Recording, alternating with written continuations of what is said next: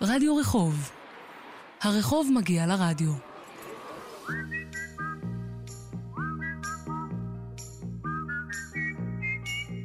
שלום לך, שלום לך. רדיו רחוב, פרק רביעי ואחרון לעונה זו, יוצאים לדרך. הרחוב שלנו הפעם הוא רחוב שנקרא על שמו של רועה צאן פשוט, שבמקרה הוא גם אחד מגדולי חכמי ישראל, רבי עקיבא. רבי עקיבא, עוד אדם שהפך לכביש ארוך עם שתי שפתיים, הוא הרחוב הראשי של בני ברק. רחוב שכולו בנייני מגורים עם חנויות בקומתם הראשונה, מאפיות, בתי עסק שונים, בתי כנסת, ישיבות, ילדים שהולכים לבית ספר, אברכים שחוזרים מהכולל, משפחות ממהרות לסידורים, תוך שהן מנסות להרגיע את התינוק, תמיד יש תינוק, חיילים עם כיפות שחורות והרבה דיבורים על שלושת הדברים שעליהם העולם עומד. תורה, עבודה ורכילות. אז למה רבי עקיבא ולמה בני ברק? החלטתי לעשות את התוכנית הזו כחלק מסדרת רדיו רחוב, כיוון שכל מה שאנחנו, החילונים, יודעים על החרדים, עובר דרך מסננת. עכשיו בואו נניח את הקלפים על השולחן. היי, אני ענת, חילוניה מבית טוב, ובתוכנית הזו לא אתיימר להציג לכם את החברה החרדית, אלא רק את האנשים שפגשתי ברחוב באופן מקרי, אלו שאולי לא היו מדברים עם התקשורת או התשקורת, ככה סתם. אנסה את דרכם להבין לאן הרוח בחברה החרדית נושבת בשנת 2014. סליחה, תשע"ה. המסע מתחיל כך. בנות, למישהי יש חצאית ארוכה? מזל שיש לי חברות דתיות בגלי צה"ל. אני מתפנקת בחצאית דלוקס, ארוכה מספיק כדי שאחסוך לתורן הניקיון בבסיס גלי צה"ל את עבודת ניקוי הרצפה. האוטובוס שלי מגיע. אני עולה ומתיישבת באחד המקומות הפנויים היחידים, ליד בחור כלשהו. ואז קולטת שזה חריג. למה שבחורה חרדית תתיישב ליד גבר? לפתע כל מנגנון החשיבה שלי משתנה. אני מקנה משמעות לכל תנועה קטנה שלי ושל האחרים, מפרשנת ותוהה אם אצלם בראש אני החרדית הזו שלא מתגייסת.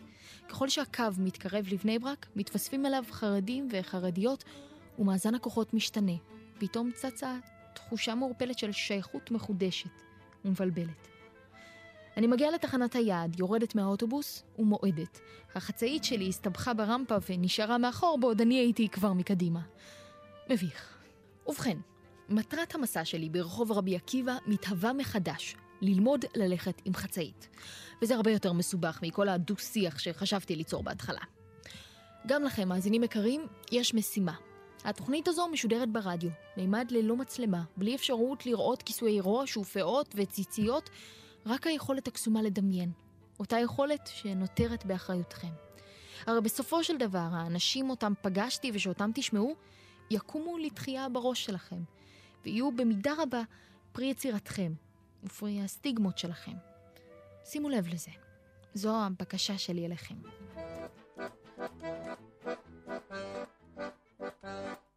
מזרקים תחילה בפינת הרחובות רבי עקיבא והרב שך. רחובו של הרב שך, אחד מגדולי הדור של המאה ה-20, החליף את רחוב הרצל. המון גבות הורמו על ההחלפה הסמלית הזו של שם הרחוב, שבאה גם עם שינוי אופיו. אם פעם הרחוב היה מאוכלס על ידי חילונים ופתוח לתחבורה בשבת, היום דבר שכזה לא יעלה על הדעת. ובכן, מכירים את זה שאתם מנסים להתחיל עם מישהי או עם מישהו, ואתם באים אליו ביציאה של... אתה מגיע לפה הרבה? זהו ברוך, שמתלווה אליי במסע. ברוך הוא חייל גלי צה"ל עם כיפה שחורה מקטיפה על ראשו. והוא לא סתם זרק את הבא לפה הרבה שלו. הוא לא מנסה להתחיל עם אף אחד, אלא לברר עניין מהותי. הלפה הוא לא לישיבה, לא למקווה, לא להכנסת ספר התורה ברחוב שליד, אלא לשלוימלא. שלוימלא הוא שם דבר. זהו קיוסק שהלך והתרחב והפך למין חנות ענקית שמציעה כל מיני דברים שברובם הם דברים שמוכרים בקיוסק, וגם כאלו שהם ממש לא. אני נמשכת לחנות בגלל נחשי הגומי המוצבים בחזית. אבל למה האחרים מגיעים לשלוי מלא? יש פה בעצם כל מה שבן אדם צריך. איילת מכינה פה סנדוויצ'ים מאוד מאוד מיוחדים. כל יום חם, טרי, טעים, צ'ון טעים. חנות מיוחדת במינה. בחופש, כשכל הבחורי ישיבה יוצאים, שני בחורים נפגשים, אומרים, תהיה ערב בשלוי מלא, תהיה ערב בשלוי מלא. יש לך מבחר עוגיות, או צ'ונט, או פיצוחים, או סנדוויצ'ים. זה לא רק עוד איזה דרגסטור או מכולת. מבטיחה שלא שילמו להם כדי לומר את זה. אגב, שמתם לב איך המילה צ'ונט התגנבה לה לרשימה? כאילו בשוגג. זוהי שעת בוקר, יום חול, וסיר צ'ונט, חמין, ניצב במרכז הקיוסק. אני סוג של אובססיבי לגבי הצ'ונט הזה, אבל uh, יש כאלה שלא אוהבים, אבל אני חושב שזה אחד הצ'ונטים הטובים בארץ. הצ'ונט ששלוים מלא אין עליו, זה אחד, אחד הדברים. לא, גם בבית אשתי עושה אני לא אוכל. תסתכל בליל שישי פה, ביום חמישי בערב מלא חילונים באים מתל אביב לאכול חמין. אתה רואה חילונים, נראים אפילו שמאלנים. הצ'ונט שנמצא במקום בכל שעות היום והלילה נראה לי משונה לגמרי, ועל כן אני נכנסת לקיוסק ומנסה לברר ממקור ראשון, מעובד במקום, מה פשר סיר הצ'ונט האימתני? סיר שלא יבייש אף בסיס צבאי. כן, כן, בעיקרון היה פעם, בעבר, לפני חמש שנים היה פה בסיס צבאי, הכל פה הוכחד, נשאר, נשאר רק הסיר צ'ון. למה זה הוכחד? כי אבני מרקים... אה, הוא עובד עליי?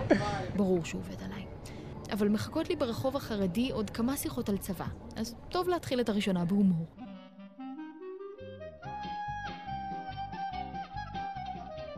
אנחנו יוצאים ממעוז הצ'ונט וחולפים על פני המקום שמספק לשלוימלה את מיטב לקוחותיו, איצקוביץ'. אולי השם לא מצלצל אצלכם, אבל זהו המקום המוכר ביותר בבני ברק. זהו בית הכנסת הגדול בעולם. מגיעים אליו 17 אלף מתפללים מדי יום, והם מהווים סלט חברתי משוגע. כל הזרמים, כל המעמדות, הקבצנים ואנשי העסקים, כולם פשוט באים ומתפללים. איש איש בדרכו.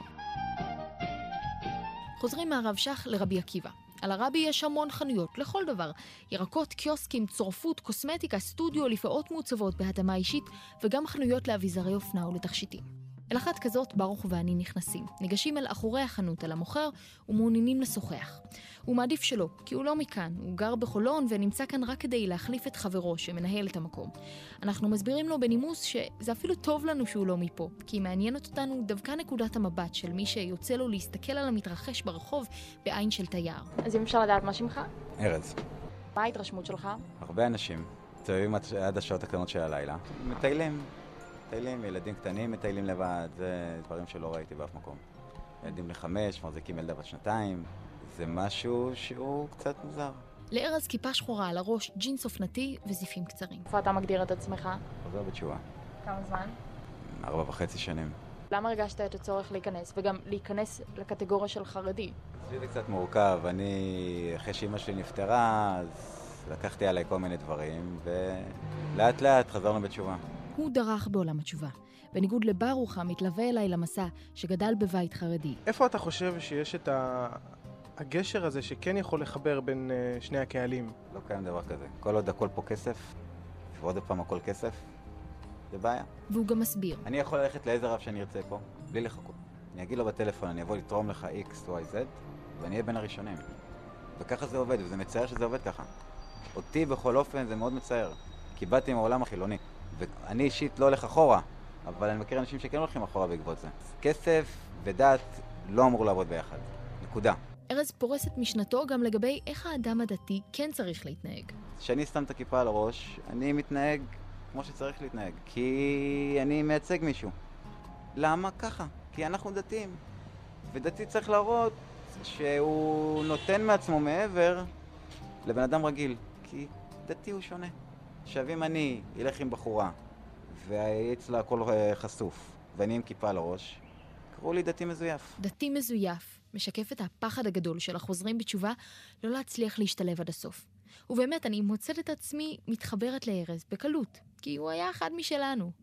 אבל אם אני ישר מסתכלת עליו כאחד משלנו, מה חושבים עליו בציבור החרדי? לא מפריע להם, ואל תפריעו לי. אני הולך בדרך שלי, באמונה שלי. אני, מה שלמדתי ומה שאני מקבל מהרב שלי והדרך ארץ, זה הדרך שלי. רק לסיום, כתוב אה, בגמרא, כי מקום שבעלי תשובה עומדים, מכיר את ההמשך? לא בדיוק.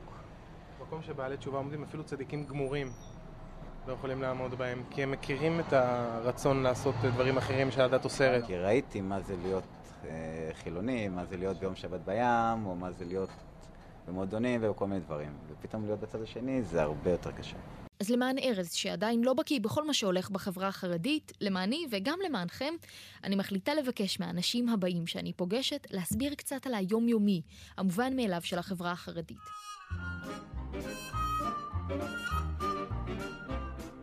אז המזל, או אלוהים, מוצא לי את האנשים הללו דווקא ליד סניף בנק הפועלים על רבי עקיבא. תכירו. מה שמך? יובל. ומה שמך?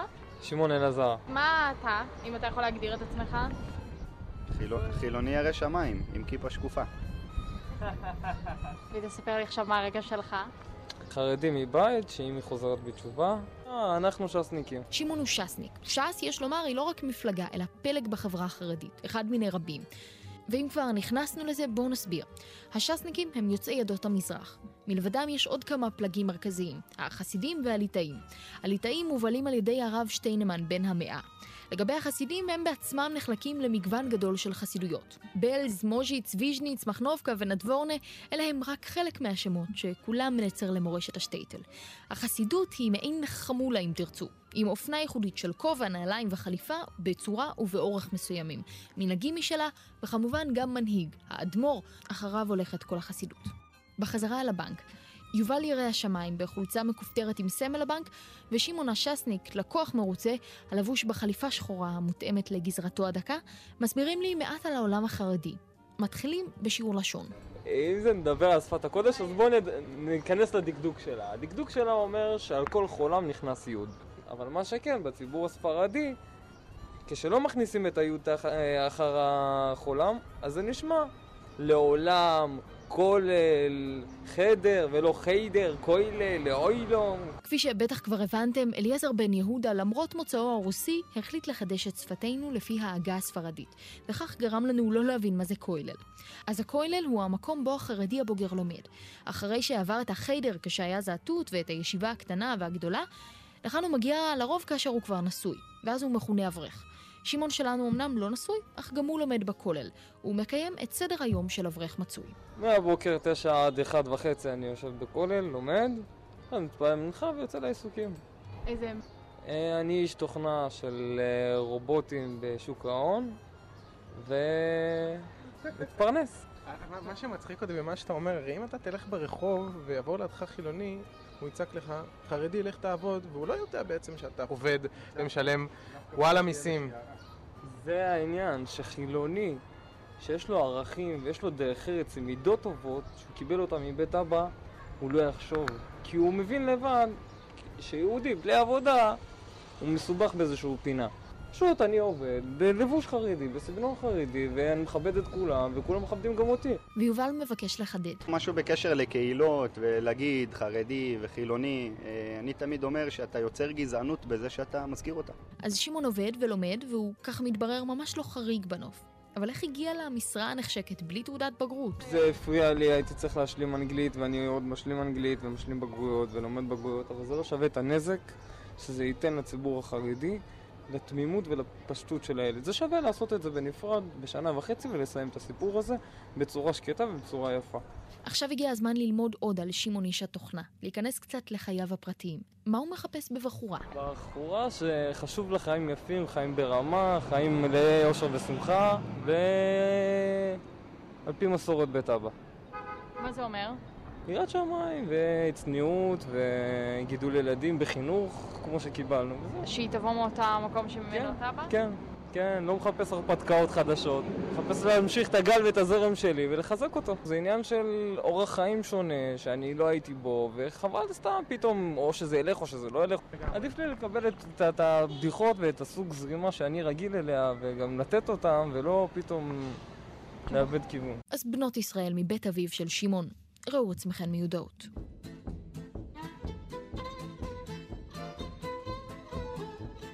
עכשיו ברוך ואני נכנסים למאפייה, על קצה רחוב רבי עקיבא, פינת החזון איש. מאפיית הצבי, המאפייה הכי פופולרית, האנג'ל של בני ברק. רק על רחוב רבי עקיבא יש שלושה סניפים, ובני ברק מוצפת, אבל לא תמצאו אף סניף מחוצה לה. המאפים המתוקים בה נראים נהדר, או שאולי זו העובדה שבשלב הזה אני כבר ממש רעבה, והריח עושה את שלו. הגענו לכאן ספק כדי לראיין, ספק כדי לאכול, אבל בכל זאת, אני והחצאית שלי אמורות לשדר מקצועיות. ולכן אני ניגשת למי שעומד מאחורי הקופה. כן, אתה יכול להקליט, אבל... חולצה לבנה מכופתרת ודי פשוטה יש לו, לא מסודרת היטב. פאות גם כמובן. ובמקום שאנחנו נפתח ונשאל אותו שאלות, הוא מתחיל לדבר. על גלי צה"ל, על המגישים שהוא אוהב יותר ופחות, משם הוא ממשיך לתחנות המתחורות, לעיתונות החילונית ולטלוויזיה. הוא לא נשמע ולו קצת כמי שהעולם החילוני זר לו. הוא מדבר איתי בנינוחות מפתיעה שלא ציפיתי לה, שטרם נתקלתי בה בבני ברק, כמכר ממש. מה שמך? ישראל פרלשטיין. אני מבקשת שיסביר לי מאיפה הבקיאות הזו. דבר ראשון, נולדתי למשפחה עסקנית. בחיי לעסקן חרדי הוא לא מסיים משפט, הוא כבר מקבל שיחת טלפון. הלו, אז מה עושים עכשיו? כאילו, אז אם הוא לא עונה, אז לא יהיה אירוע היום? זהו אחד ממכריו, המבקש את עזרתו. יש הכנסת ספר תורה לבית כנסת מחר, אירוע גדול, ושכחו לתאם עם המשטרה. תכף הוא ידאג לזה. בינתיים הוא ממשיך לשוחח איתנו. משפחה עסקנית זה משפחה שתשאלי אותה בענייני גירושים, בענייני הוצאה לפועל, בתי משפט. אני אה, אחד שמכיר את זה, אני לא כל כך נבהל מהדברים האלה.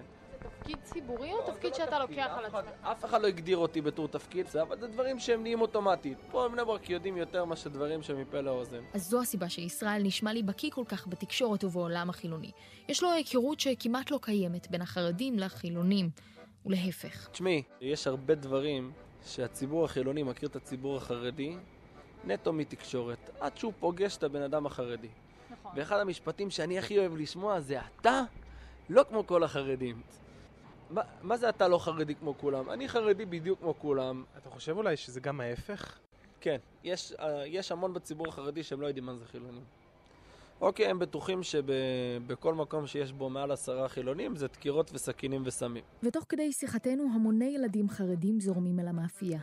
בעצמאות מעוררת השתאות הם קונים לעצמם בורקס או קרואסון, ובמקום לעזוב הם נשארים, מאופנתים מהמאורע המשונה. מבלי ששמנו לב, הפכנו למופע המרכזי, ולחשוב שבאתי כדי להתבונן בהם. בתפקיד הראשי במופע, ישראל, בכובע של מוכר במאפייה, לפעמים הוא מחליף לכובע של עסקן, ומתברר לי שזה לא נגמר שם. אני, יש לי עכשיו, אני מסיים לדבר איתך, ואני הולך לעשות משמרת במשטרה עד עשר בלילה. כבר... בהתנדבות מלאה? בהתנדבות. אני הגעתי למשטרה, בוא נאמר שהסיבה העיקרית שלי היא של לעשות משהו בשביל המדינה, אין מה לעשות. כל אחד יסתכל עליי אחרת, אחד יסתכל עליי בתור פסיכי, אבל זה ממש בודדים. רובם רובם מאוד מכבדים אותי, ותביני, אני בתור מתנדב חרדי במשטרה, אני סוג של שליח. זה סוג של שליחות מול הציבור החרדי. אתם הרי שומעים אותו. אז למרות שניסה לטעון קודם שהוא בדיוק כמו כולם, הוא נראה לי אחר. ומעניין אותי אם תשובתו לגבי שאלתי הקבועה תהיה אחרת גם כן. אפשר לשאול אותך מה דעתך על אה, עניין הגיוס? הלום הזה לא יעזור לאף אחד. אותי לימדו כשהייתי ילד, אם תילחם עם קיר, יכאב לך ביד. אנחנו הציבור החרדי, זה חומה בצורה. יש לנו רבנים, הם מורים לנו את הדרך, מה לעשות ואיך לעשות. ויש המון חרדים שהתגייסו לשירות האזרחי. 2010-2011 זה התחזק, 2012 גם, 2013 שהתחיל כל הבלגן. פתאום נהיה ירידה משמעותית מאוד בכל מה שקשור לנושא של הגיוס. אתה התגייסת לצבא? אני לא התגייסתי לצבא. היה לי מחשבה כזאת יותר אחרי החתונה. למה? מה המניע? כי אנחנו יודעים שאני עכשיו, אה, בתור אחד שלא עשיתי צבא, היום שאני הולך לכל מיני חברות אה, במגזר הכללי, וברגע שרואים חרדי, לא עשה צבא ולא יעזור לאף אחד שום דבר, הם לא מקבלים אותנו. אני מבטיחה לעצמי לזכור את דבריו של ישראל גם כשאשאל אחרים את אותה השאלה. לקראת פרידה אני נפנית לשאלת השאלות, בורקס תפוח אדמה או בורקס גבינה.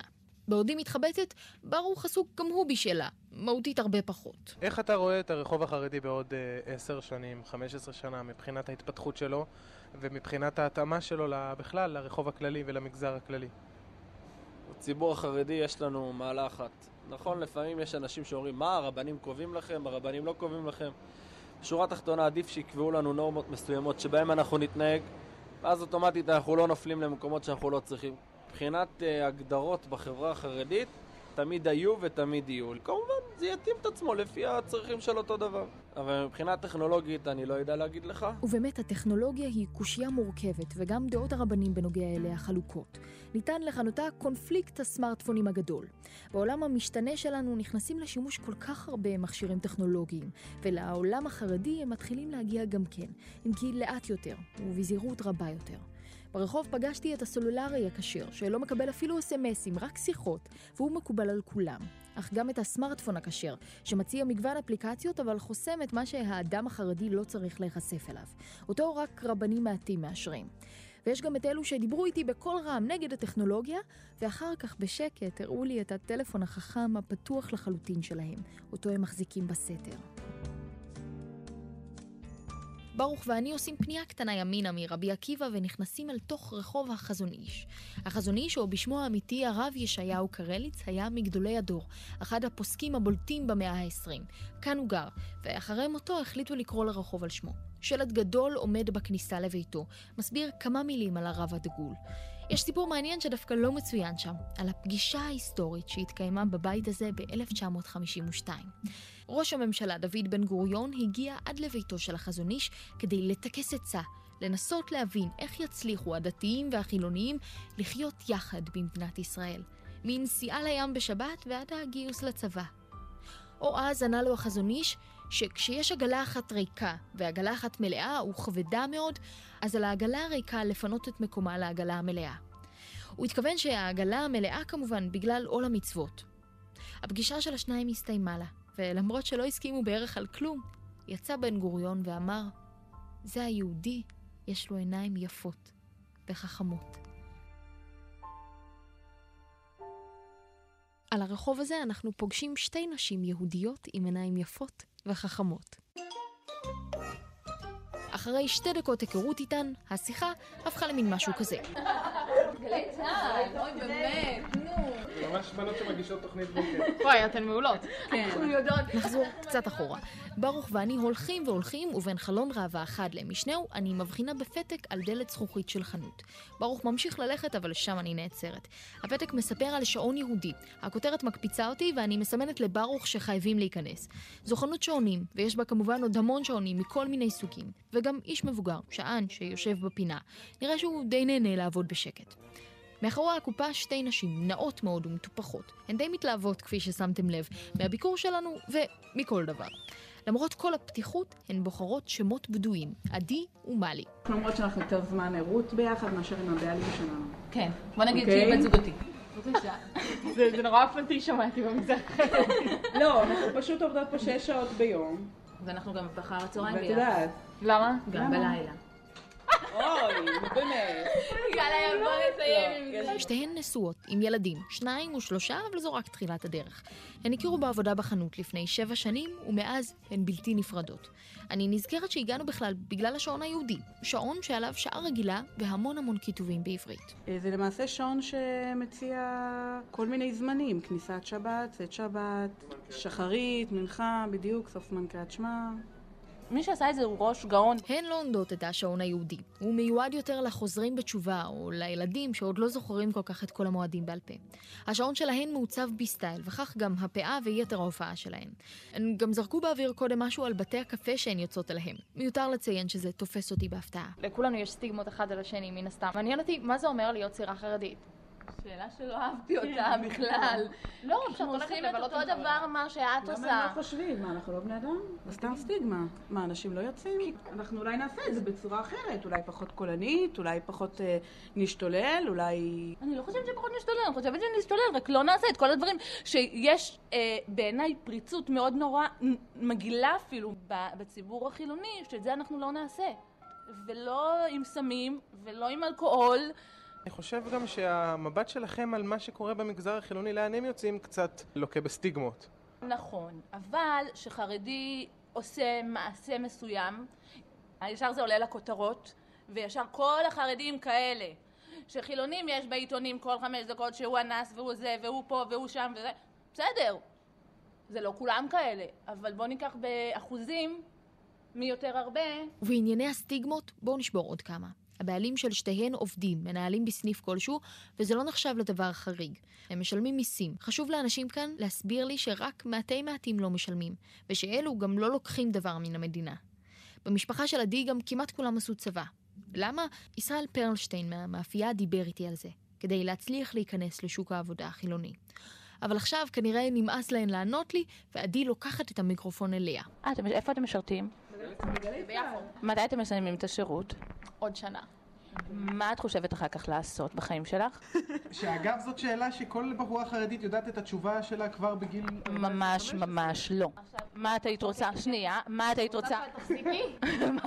איך אתם מנצלים את הזמן הפנוי? איך את מנצלת יותר נכון? אמ, אם יש לי, אז אה, אני עם המשפחה שלי, אה, או עם חבר שלי, או עם חברות שלי. זה מוזר שאני אומרת חבר שלי? לא. לא. כי כאילו אנחנו לא נשואים ולא חושבים על זה. אנחנו נוכל להשיג לך בשבילך טבעת יפה, מה שתגידי. אוי, תודה. אני שוקלת עכשיו. לא, כאילו, איך אפשר להכיר מישהו כל כך קצת זמן ולדעת, די, מה את מסתכלת עליי בפרצוף? די! אוי, איזה שטויות! אבל זה כל כך שטויות, כי איפה יש יותר הרבה גירושים? במגזר שלנו או במגזר שלכם? איפה יותר מקובל להתגרש במגזר שלנו או במגזר שלכם? איפה יותר אוהבים? במגזר שלנו או במגזר שלכם? לא יודעת. אז אני יודעת. זה שטויות אם לצאת שמונה שנים, או שנה, או חודש, כי אחרי החתונה הוא יהיה בעל אחר. אז איך יודעים שעושים את הבחירה הנכונה אצלכם? את רואה שהוא בעל מידות? זה הכל. בעל מידות. עכשיו, כשכבר ממש התקרבנו, ויש לי את המתכון לנישואי נצח, אני רוצה שעדית תגלה לי קצת על בחיר ליבה. בעלי הוא בן אדם מאוד מאוד מאוד מאוד שקט, מאוד נוח לבריות, ורואים את זה מההתחלה, שהשאיפות שלנו אותו דבר. זה לא משנה כמה פגישות הייתי איתו, אם, נפגשת, אם הייתי יוצאת איתו עשר שנים, עשר פגישות או שנה. הבעלים שלכם מבשלים, עוזרים בעבודות הבית? בוודאי. מה הוא עושה? בעלי למשל הוא מבשל לפ... לפעמים, לא תמיד, אין, אין אצלנו... הוא עושה, אני עושה, זה נורא שיתוף פעולה, זה נורא כולם ביחד. שלי מבשל יותר ממני. מה את הכי אוהבת שהוא מכין? כל האוכל שלו הכי טעים. זו שיחה על אהבה ועל זוגיות, מסכימים? אבל היא ככל הנראה שונה באופייה משיחה שהיינו מנהלים עם אישה חילונית שהיינו פוגשים ברחוב. למה בציבור החרדי אה, נמנעים מלדבר על המושג הזה שנקרא אהבה?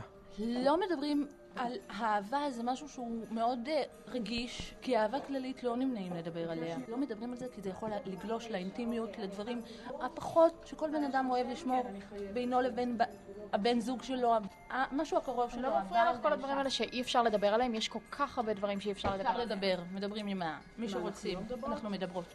זה בסדר גמור.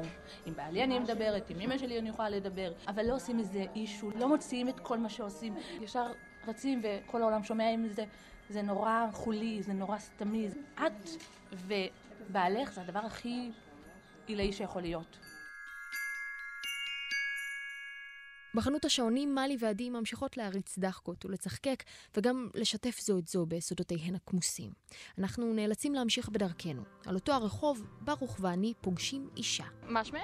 אסתר. היא יושבת לה בנחת בצד המדרכה, מתחת לציליה. היא עושה זאת כבר שנים, יום-יום. קופסה פתוחה למחצה לצד רגלה השמאלית. אנשים עוברים לידה, מושיטים יד לכיס, מוציאים מה שיש, זורקים לקופסה וממשיכים. היא מספרת לנו על הרחוב מנקודת מבטה. השם הביא אותי לבני ברק, אמרתי, באמת יש ארץ ישראל פה, יש יהודים, צדיקים. אחד אוהב השני, ובחגים יש הרגשה טובה. תל אביב אין הדברים האלה בחולון בת ים. אנחנו עוזבים והיא נשארת לשבת מתחת לציליה, שהתקינו עבורה השכנים מהרחוב, מין סימן לכך שקיבלו אותה אליהם כדיירת קבועה. אבל בניגוד לאסתר, פגשנו גם כאלו שקבלת הפנים שלהם בעיר הייתה פחות נעימה. היה את הזוג החילוני שמנהל מאפייה ברחוב. האישה לבשה חצאית ארוכה, אבל רק מתוך כבוד למקום, היא חילונית. הם אמרו לנו שהם ביחסים טובים עם התושבים, שהם באמת משהו מיוחד. אפילו שחלקם לא קונים אצלם, כי הם חוששים שההכשר שלהם לא מספיק טוב, בגלל היותם חילוניים. היא מסבירה גם שזה לא נכון ושהם הכי כשרים שיש. אבל מה שכן קשה לה הוא העירייה והרבנים. איתם יש להם בעיות. פעם לפני 30 שנה, כשהעיתונים החרדים היו ממש בחיתוליהם, הם ניהלו כאן בסטת עיתונים. מכרו מעריב, ידיעות חדשות, אפילו לאישה. ותתפלאי, כך הם אומרים. המון תושבים קנו ואהבו את זה. אלא שהרבנים התלהבו פחות מהעיתונות החילונית הזו שחודרת אליהם. ויום אחד, כשהגיעו ליום עבודה רגיל, ראו את הבסטה שרופה. עד היום הם לא יודעים בדיוק מי שרף, אבל יש להם השערות. אחרי המקרה הזה הם עזבו את ביתם, שהיה גם הוא בבני ברק, אבל את העסק הם החליטו לשקם ולהשאיר, רק לשנות. החליפו כמה חנויות שונות עד שהפכו למאפייה. ועוגיות השוקולד שלהם מצוינות. אחרי צעידה של זמן מה והרהור על רחוב רבי עקיבא הארוך, מגיעים לרבי עקיבא פינת הרב אברהם יצחק הכהן קוק. קוק היה אחד מאבות הציונות הדתית, כלומר רב שאינו מקובל על אנשי החברה החרדית. ובהתאמה, ברחוב הזה באופן היסטורי גרו יותר דתיים לאומיים ואף חילוניים. אבל עכשיו הרחוב מתחרד. את זה מספר לי דבר חילוני שאני פוגשת ברחוב. הוא ממהר ואומר לי, אני לא יכול להתראיין, אבל יש כאן ברחוב עיתונאי חרדי, דברי איתו. ישי ויינר שמו. אז לפני שיצרתי קשר עם שי ויינר, בלשתי לגביו בגוגל. וביני לבין עצמי תהיתי איך ממשיכים לחיות אותם חרדים שלא מתקרבים לאינטרנט בלי להכיר את הפועל הקסום לגגל. הכותרות ברשת נעות בין דור העיתונאים שהיה ואיננו לבין פושע עוכר ישראל. המוסר של הלכלוך של העולם החרדי לעיתונות החילונית נכתב באתר אחד, ואתר נוסף הסביר שהציבור החרדי חייב לו הרבה תודה על מה שהוא חשף בשנים ההן. אנחנו נפגשים מתחת לביתו ברחוב. הוא מגיע על כיסא הגלגלים. מחלת הטרשת הנפוצה שבה חלה משפיעה עליו לא רק מבחינה פיזית, בגללה גם הוריד הילוך כעיתונאי. אבל בואו נחזור אחורה. ישי בצעירותו למד בישיבת פונוביץ', שהיא האוקספורד של עולם הישיבות, וממוקמת גם היא, ממש לא רחוק מרבי עקיבא. כשאני התחלתי ללמוד בישיבה, אמרו לי, ישי, אז לא קראו לי ישי, אז קראו לי שיילה.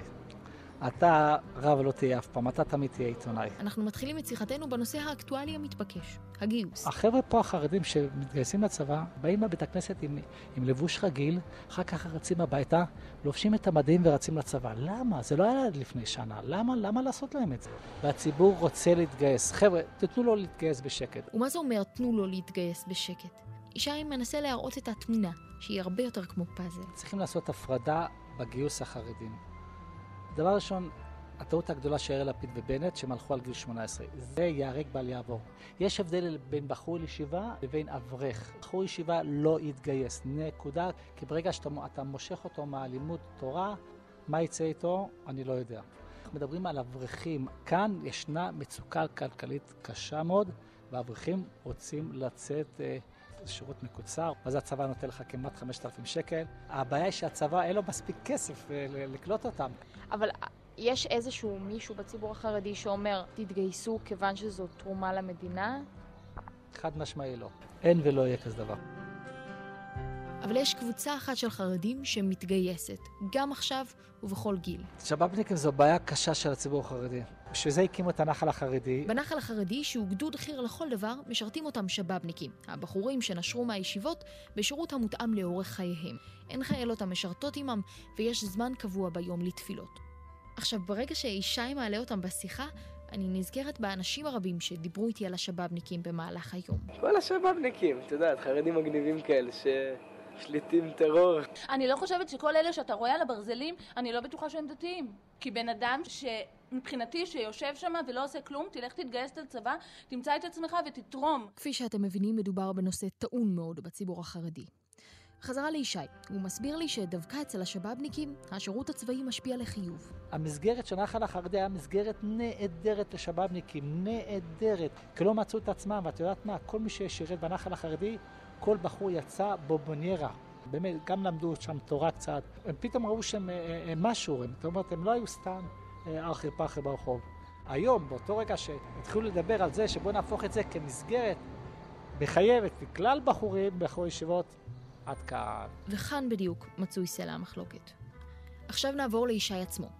הוא היה כתב פוליטי במגוון עיתונים חרדים, העורך הראשון של רשת מקומונים חרדית, ושימש במגוון תפקידים ברדיו. כל אותו הזמן שימש גם כמקור עיתונאי.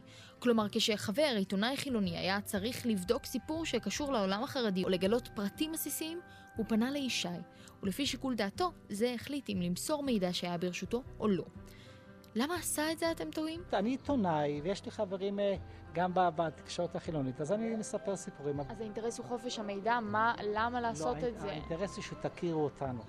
אני תמיד הוצאתי סיפורים יפים. אנחנו חרדים, אנחנו שחורים, אבל גם בשחור יש גוונים יפים. אבל אם כולם מתעצבנים עליך, אני משערת שלא הוצאת רק סיפור על כמה החרדי הזה נחמד ושם צדקה, אלא גם על דברים מכוערים שקורים בכל ציבור. עיתונאי תמיד יכעסו עליו. אפילו עיתונאי הטוב ביותר יכעסו עליו, זה לא יעזור שום דבר. אך לאט לאט ישי נזכר גם בסיבות האפשריות לזעם עליו. הייתי כתב מאוד, אה, מאוד חושפני. מה זה אומר להיות כתב מאוד חושפני בעיתון חרדי? אה, הייתי מוציא כל מיני סיפורים החוצה, הייתי תוקף את, ה, את, ה, את הפוליטיקה החרדית, הייתי תוקף את החברי כנסת, הייתי תוקף את עסקנים, הייתי תוקף את אה, ראשי עיר. בהחלט, היה, היה עליי ביקורת, חד משמעי, אני חטפתי ביקורת ברמות טובות.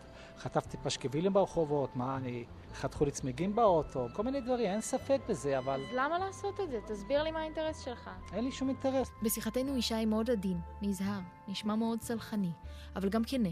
הוא מבהיר שהדברים שחשף השפיעו עליו בהיבטים רבים. להגיד לך שכל האחיינים שלי יבואו אליי הביתה ויאכלו אצלי? לא, כי הם רואים אותי כחרדי מודרני, ואולי אני לא מספיק אה, שומר כשרות ברמה מודרת כמוהם, ולכן לכן, הרבה אנשים מפחדים באמת גם לצאת כאילו מהמסגרת החרדית הקלאסית למשהו אחר, כי אז קורה מה שקרה לי. ומה שקרה לישי רב הרבה יותר ממה שסיפר לי. ומהי התווית הזו שדיבר עליה, של החרדי המודרני?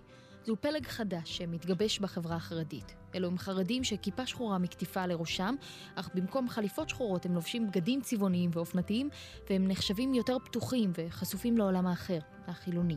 אם זה במוזיקה שהם שומעים, בסמארטפון, אולי יש להם אפילו טלוויזיה בבית. ומה היחס אליהם? כמובן שנוי במחלוקת. רק שאלה אחת נותרה לי עכשיו לישי, הכל כך שנוי במחלוקת. אתה, אתה שלם עם זה, בהסתכלות לאחור? אני חד משמעי משלם עם זה, כי אני האמנתי בצדקת דרכי. עד היום מאמין בצדקת דרכי. אני רק חושב שלא הייתי צריך להיות אה, מיליטנטי בכתבות שלי, בגלל שבאמת, זה עולם השקר, זה לא, זה, אין, אין פה צדק בעולם. אבל היום, את יודעת מה, גם יודעים שאני לא כל כך בחור בריא היום, וכל הזמן רואים אותי על הקולנועית, אז כל אחד עוצר אותי ומדבר איתי. ועד היום, כשרוצים להעביר אה, חומר טוב לתקשורת החילונית, אז מתקשרים אליי, אישה, תשמע, יש לך איזשהו קשר עם איזה מישהו שם, אצלהם שם, מעריב ידיעות או, או, או ישראל היום, יש איזה סיפור טוב, קח, תעביר.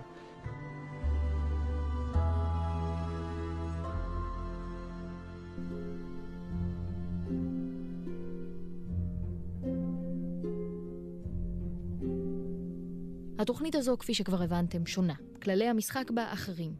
כששוטטתי ברחוב בתוכניות אחרות, התרגלתי לכך שאנשים בוחרים אם לשוחח איתי או לא, לפי האם זה מתחשק להם ומעניין אותם, או לא. אבל כאן, זה הרבה יותר מזה. יש את אלו שהם מסרבים מטעמי צניעות, מסיטים ממני את המבט ומחישים את צעדיהם.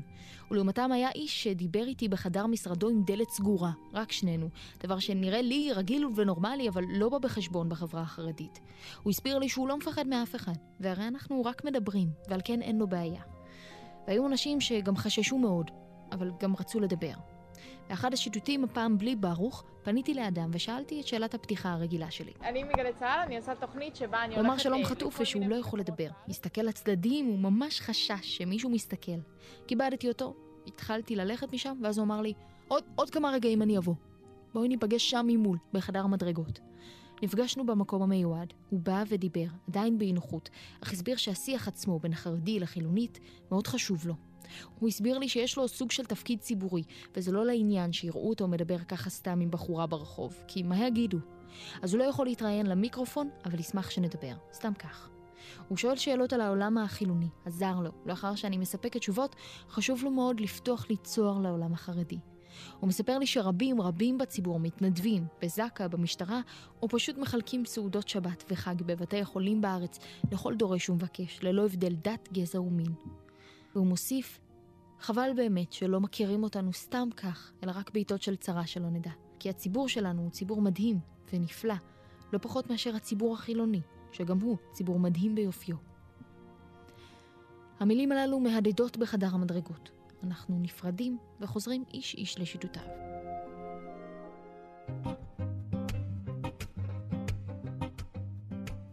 עכשיו ברוך מוביל אותי אל המקום שמאוד חשוב לו שאראה, תחנת הרדיו קול חי. כן, ביקור בתחנה המתחרה. טוב, אולי לא ממש מתחרה. עכשיו הסטיגמות שלי נבחנות. אני מנסה לדמיין איך ייראה רדיו חרדי. אולי המון אנשים בחליפות שהם מדברים ביידיש? אני מדמיינת את הקונסולות, הלא הן הפלטות הענקיות דרכן מעבירים את השידור, כמאוד ישנות. כאילו הכל שם יהיה מחתרתי, ופרימיטיבי בעיקר. אחר כל כך מהרדיו שלנו. אנחנו מגיעים. ואני מתבדה. חדשות כל חי תחנת רדיו קול חי, תחנת הרדיו החרדית, קיימת כבר 18 שנים. היא מצוידת במכשור מודרני, הכולל קונסולות חדישות לגמרי ועיתונאים חדורי מוטיבציה עם הוואי מעולה. אנחנו מפתיעים את אנשי התחנה בזמן ממש לא טוב. אבל המהדורה המרכזית מתחילה, את לא מבינה עוד רבע שעה. המהדורה המרכזית של שבע בערב מסכמת את ענייני היום. אם כן, על מנת לשוחח איתנו, אנשי התחנה עושים הקרבה עצומה. הקורבן הראשון, אשר גרייבר, עורך חדשות הקהילה במהדורה המרכזית, מסביר לברוך מה זה אומר. מהדורת חדשות הקהילה, דבר שאני יכול להגיד לך שאותי אישית הוא לא מעניין. בעצם מבזק חדשות לכל דבר, רק אה, בלי פוליטיקה, אלא מה שקורה בתוך תוככי הציבור החרדי, רבנים שבאו לכאן, רבנים שהלכו לשם. מה מעניין אותי לדעת שהרב ההוא מתחתן עם הרבנית ההיא? כי בתור, אתה, בתור בן אדם חרדי שמעריץ דוגמה של הרב חיים קניבסקי, מאוד יעניין אותך מה הוא עשה. כאילו, בוא, בוא ניתן דוגמה עם בן אדם שהוא מעריץ זמר מסוים, מאוד יעניין אותו איפה הוא היה בשעה חמש אחרי צהריים, ואיפה הוא היה ב-12 בבוק, בבוקר. זה, זה יעניין אותו. ממש נינט בהיריון גרסת הציבור החרדי. אז זהו חלק מהמהדורה, אבל לא רק. הנה עורכת המהדורה המרכזית, כן עורכת. יש לה שמלה שחורה צהובה בסטייל מדויק, ומהרגע הראשון אני קולטת את הכריזמה שלה. היא ללא ספק מנהלת את העניינים, ועושה זאת ביד רמה ואלגנטית. היא מסבירה לי מה ייכנס למהדורה ברדיו חרדי, ויותר נכון, מה לא. יש אייטמים שלא ייכנסו. כי ברור, כי למה שייכנסו? למה שהילד שלי ישמע דבר שאני לא ארצה שהוא ישמע? אני לא אחד בפה ואחד בלב. מה שאני מחנכת את הילדים שלי, זה מה שאני גם אה, אעביר את זה פה. אני להפך, אני רואה את השגיאה בגלי צה"ל, שהם משדרים על אה, שחיתויות. למה שהם ישדרו את זה? נגיד, אם רב אה, יסופר עליו שהוא עשה איזה שחיתות, אני לא, אני לא אדבר על זה ברדיו. אני לא אגרום לחילול השם, שילד שלי ישמע שרב עשה... כן, כי רב זה משהו דמותי. ברגע שאני, ברגע שאני משדרת עליו משהו לא טוב, הרסתי את כל המוסריות שבזה. אם כן, וזה מה שהסביר לי גם ישי ויינר ואנשים רבים אחרים, בכלי תקשורת חרדי לא יצוינו שחיתויות. על מעשי אונס חלילה, אם יסופר, יאמר רק מעשים אסורים ולא ידובר על שום דבר שילד חרדי לא אמור להיחשף אליו. הילד הוא המדד.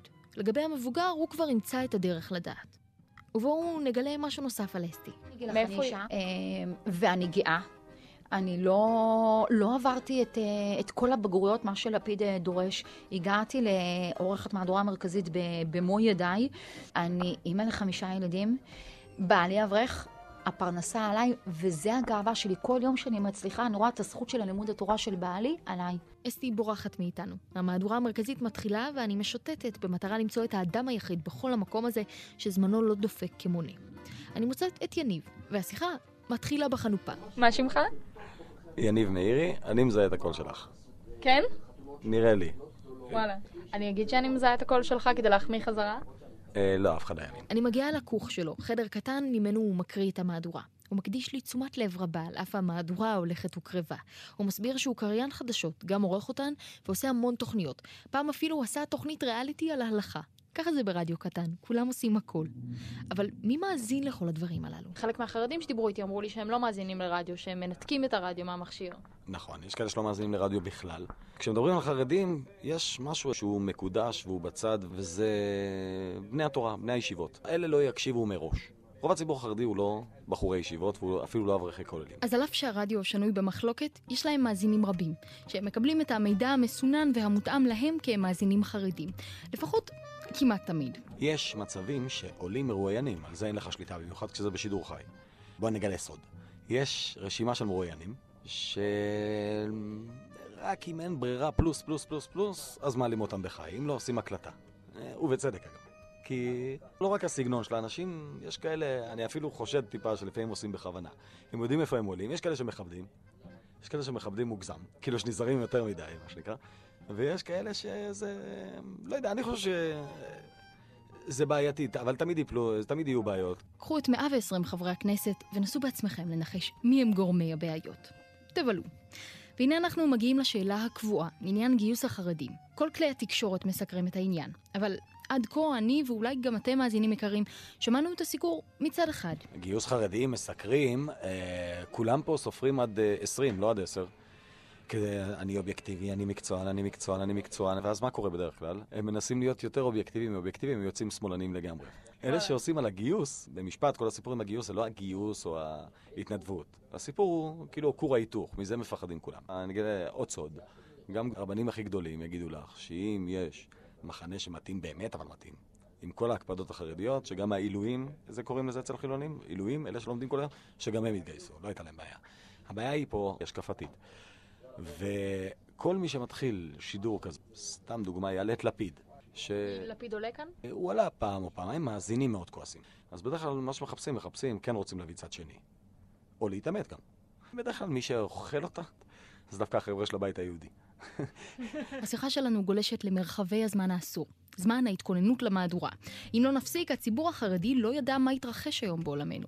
אז לסיום, אני מוכרחה לקבל הצצה למתחרה שלי. אני דורשת שיקריין עבורי מהדורה, והוא מציב תנאי. תגידי לי אם טעיתי בעברית קודם כל, לא? אוקיי. אני מהנהנת, והוא מתחיל. אוי, זו ידיעה הכי לא חדשותית שיש, אבל היא דוסית, היא, תתן, היא עושה את העבודה, בסדר? היא ממש דוסית. המוני בני אדם החלו לפקוד את ציון קברו של שמואל הנביא מצפון לירושלים לקראת יום פטירתו שחל בכ"ח באייר. אלפים צפויים לפקוד את מתחם הקבר במהלך הלילה ולאורך היום מחר. המשטרה תגברה את כוחותיה בצירים המובילים והיא פועלת להסדרת התנועה כדי להקל על ההמונים המגיעים לאתר. יניב עסוק במהדורה, וזה האות עבורנו להתחפף. חדשות כל חי. אנחנו יוצאים מתחנת הרדיו אל הרחוב, ואני מרגישה כמעט כמו ליד תחנת גלי צה"ל שביפו. שכן גם כאן מלווים את הליכתי הצינורות המטפטפים מתוך הבתים אל המדרכה. איזה מזל, אני חושבת לעצמי בציניות. עד שאני מצליחה לא למעוד על החצאית שלי, אני פשוט מנגבת איתה את כל המדרכה המטופטפת. לא רחוק מרדיו קול חי, ברוך ואני פוגשים שני נערים. הם ישובים על גרם המדרגות באחד הבניינים שממש יוצאים אל הרחוב. אנחנו מתקרבים אליהם, ואני נזכרת במושג שצף כששוחחתי עם העיתונאי שי ויינר, שבאבניקים. אנחנו ניגשים אליהם ומבקשים לשמוע גם מהם איך הם מגדירים שבאבניק. אולי בעדינות. מושג של שבאבניק בחברה החרדית זה בחור ישיבה שכביכול עזב את הישיבה ונמצא על הברזלים, לא מוצא את עצמו, מחפש את עצמו, אולי קצת ירד מהדת טיפה. משהו שלא הסתדר עם הלימוד ופשוט הלך לעבוד או סתם להשתמם בבית. בעברית הוא כרגע פחות ממה שהוא היה. היפה הוא ששני הבחורים הללו, כפי שאנחנו מגלים די מהר, הם למעשה שבאבניקים בעצמם. אלו הם דודי בן ה-19 ודניאל בן ה-17. הם חברים.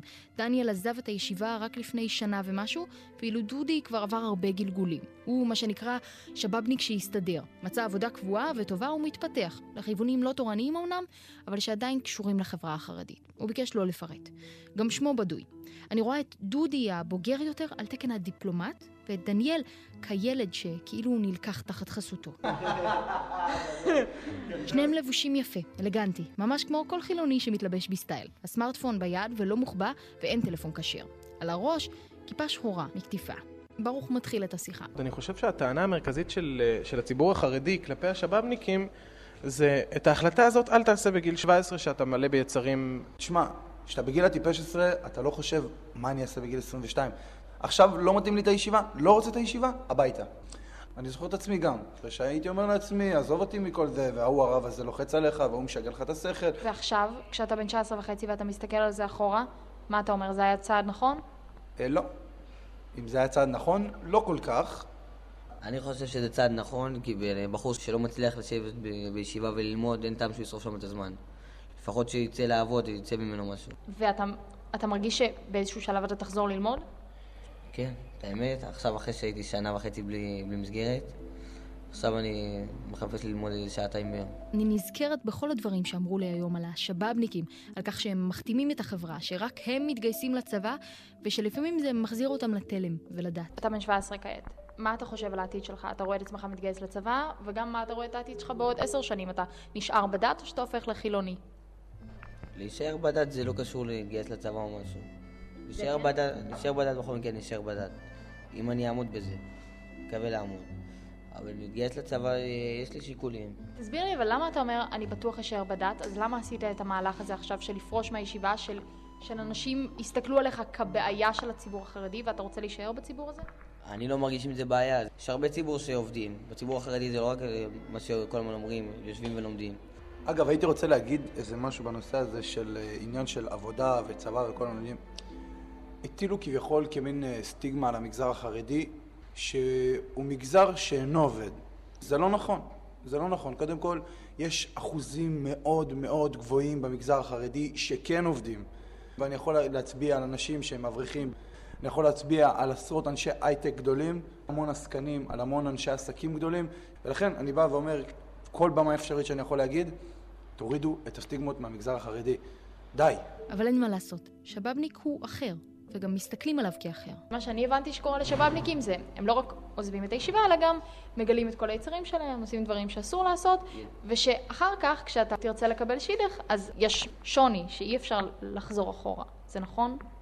יצרים יש גם שאתה בישיבה, זה לא רק אתה יוצא ברור לי שיש יצרים, שאלה מה אתה עושה איתם. ברור שאחד שהיה שב"מניק הוא לא הולך להתחתן עם אחת ש... זה אחת שלא ראתה בחיים אה, גבר. תסתדר עם מישהו סטנדרטי, מישהי באותו ראש. אם אני, כשאני מסתכל על עצמי, אני חושב שהדבר שהכי מתאים אה, לבחור שהוא היה שבאבניק, לקחת או בחורה חוזרת בתשובה, או בחורה שיצאה וחזרה. הוא צריך להבין שברגע שהוא לוקח אישה זה לכל החיים. זה לא אישה שכל חודשיים אתה מחליף כמו בגילאי 16. אתה צריך לקחת מישהי שהיא תבין אותך בכל מה שתעשה. זאת אומרת שאם יום אחד בתור, בתור חרדי ללכת לקולנוע זה לא נקרא, ואתה חטפת ג'ננה מסוימת והחלטת כן ללכת לקולנוע. היא תבין אותך. הופתעתי מהתשובה הזו, כי איכשהו ציפיתי שהשדכן, שבדמיוני נראה כמו חוקר פרטי, מקטורן וסיגר, יגיד, אין מה לעשות, השידוך שלך פסול. אבל לא ציפיתי שזה יבוא מהבחור עצמו. ועכשיו, שאלה אחרונה. אתה תוכל להתקבל חזרה לחברה החרדית? אני אגיד לך משפט, שבע פעמים יפול צדיק וקם. אז יש לך עוד כמה? כמה באמת חוזרים אחר כך לדעת? לפי כל החברים שאני מכיר שנמצאים מסביבי, 99.99999 חזרו לדת, ורובם גם חזרו והתחזקו אפילו יותר ממה שהם היו בהתחלה. כי ברגע שבן אדם יוצא כביכול לעולם, לעולם החופשי, פתאום הוא רואה דברים שהוא לא ראה, אם זה בעבירות או דברים כאלה. אז הוא מסתכל אחורה, הוא אומר, למה הייתי צריך לעשות לעצמי את כל הרע הזה בעצם? היה לי טוב פה. לא, אפילו לא היה לי טוב, אבל רע לא היה לי. למה שאני לא אחזור לזה?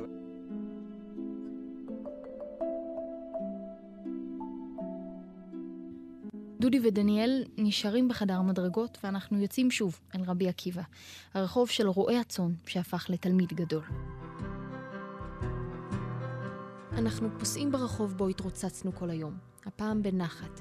זהו, תכף חוזרים לסביבה המוכרת. ואז אני מבינה שמהרגע בו דרכתי בבני ברק, לא דרכתי על החצאית שלי ולא נפלתי עליה. וזה אפילו לא שנזהרתי שזה לא יקרה, זה פשוט לא קרה. כאילו נטמעתי באיזשהו אופן, וכישורי ההליכה בחצאית שודרגו באופן טבעי.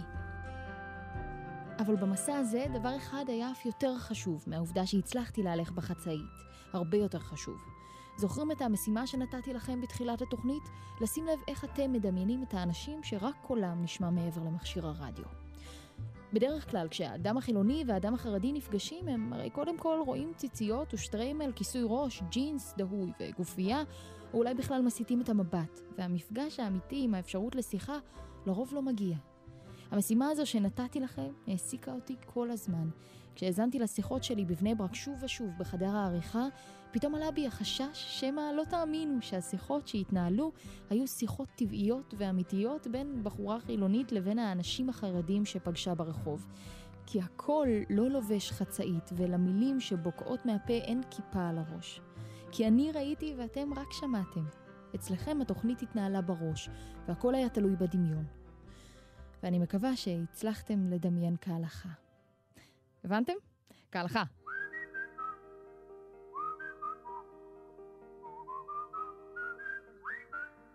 זהו. תודה גדולה לברוך אינדיג שליווה אותי במסע, לעורכת הראשית מאיה גאייר, לעורכת המוזיקלית נעמה הדסי, לדני אור, גרם ג'קסון, אביב קזוש ופז קנטור ומאי דוידוביץ' על הביצוע הטכני. תודה לליאור כהנא ממחלקת הדיגיטל בגלי צה"ל. אני ענת קורול.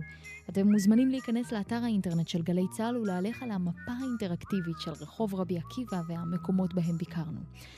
אפשר עכשיו לומר שסיימנו את העונה השנייה של רדיו רחוב.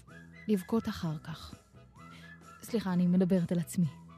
ניפגש בעונה הבאה, ועד אז צאו לרחוב, הסיפורים כבר שם. אתם רק צריכים לגלות אותם.